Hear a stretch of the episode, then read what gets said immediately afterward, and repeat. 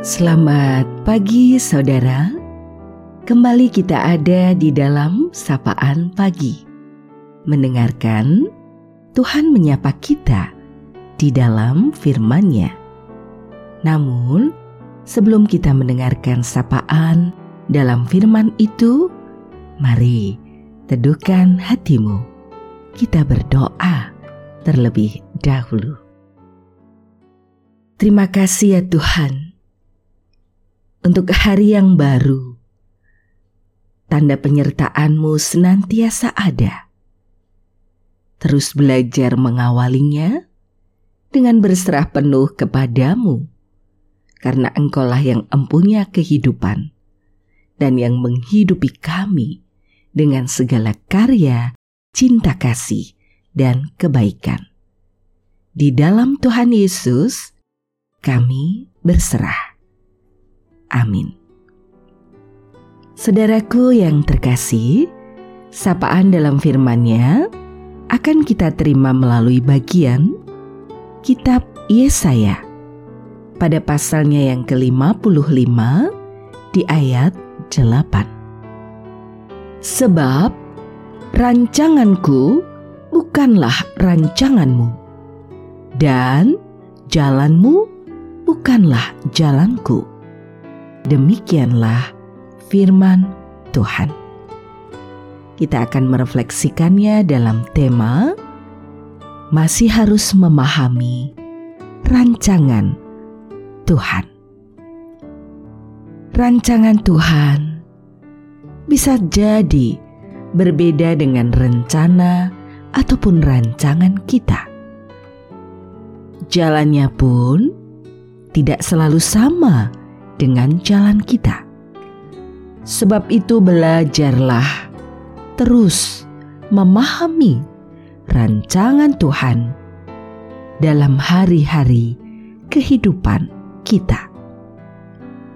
Meski terkadang jalan Tuhan tak dapat dimengerti dan penuh misteri, belajar dan bersabarlah menanti sampai janjinya digenapi.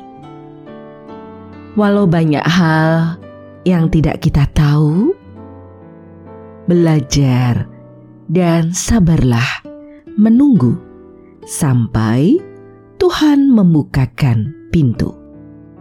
Rancangan Tuhan selalu indah, meski jalan yang mesti dilalui tidak selalu mudah meski tidak sesuai dengan apa yang kita harapkan dan doakan?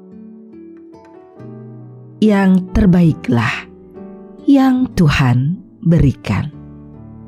Jadi, belajarlah terus dan sabar menunggu. Percayalah, berkat yang baru telah tersedia bagimu. Tetap setia, belajar memahami rancangannya taati prokes dengan ketat agar semua tetap sehat. Salam sehat, bahagia, dan terus belajar menjadi pribadi yang berguna. Tuhan memberkati. Kita bersama akan mengakhiri sapaan pada pagi hari ini. Kita akan berdoa. Terima kasih ya Tuhan. Dalam keheningan pagi, keteduhan hati, dan keberserahan diri, kami bertelut kepadamu, mempercayakan dan menyerahkan hidup ini hanya di dalam kasih dan penyertaanmu, sebab engkaulah sumber kehidupan yang mencipta dan memberi pemeliharaan senantiasa kepada kami. Dalam berbagai peristiwa di dalam kehidupan ini, Engkau menguntai cerita cinta kasih, bahwa berkatmu senantiasa dan penyertaanmu tak pernah berkesudahan, di suka dan duka, di sehat dan sakit, kami belajar berserah untuk kehidupan yang kau berikan. Masih dalam situasi di pandemik ini, ajarlah kami untuk sabar dan setia, bertekun dalam pengharapan, dan yakin bahwa selalu ada pemulihan darimu yang membawa pengharapan hidup baru. Kami berdoa untuk setiap saudara kami, untuk setiap keberadaan yang terus mendukung dalam pemulihan situasi dan kondisi pandemi.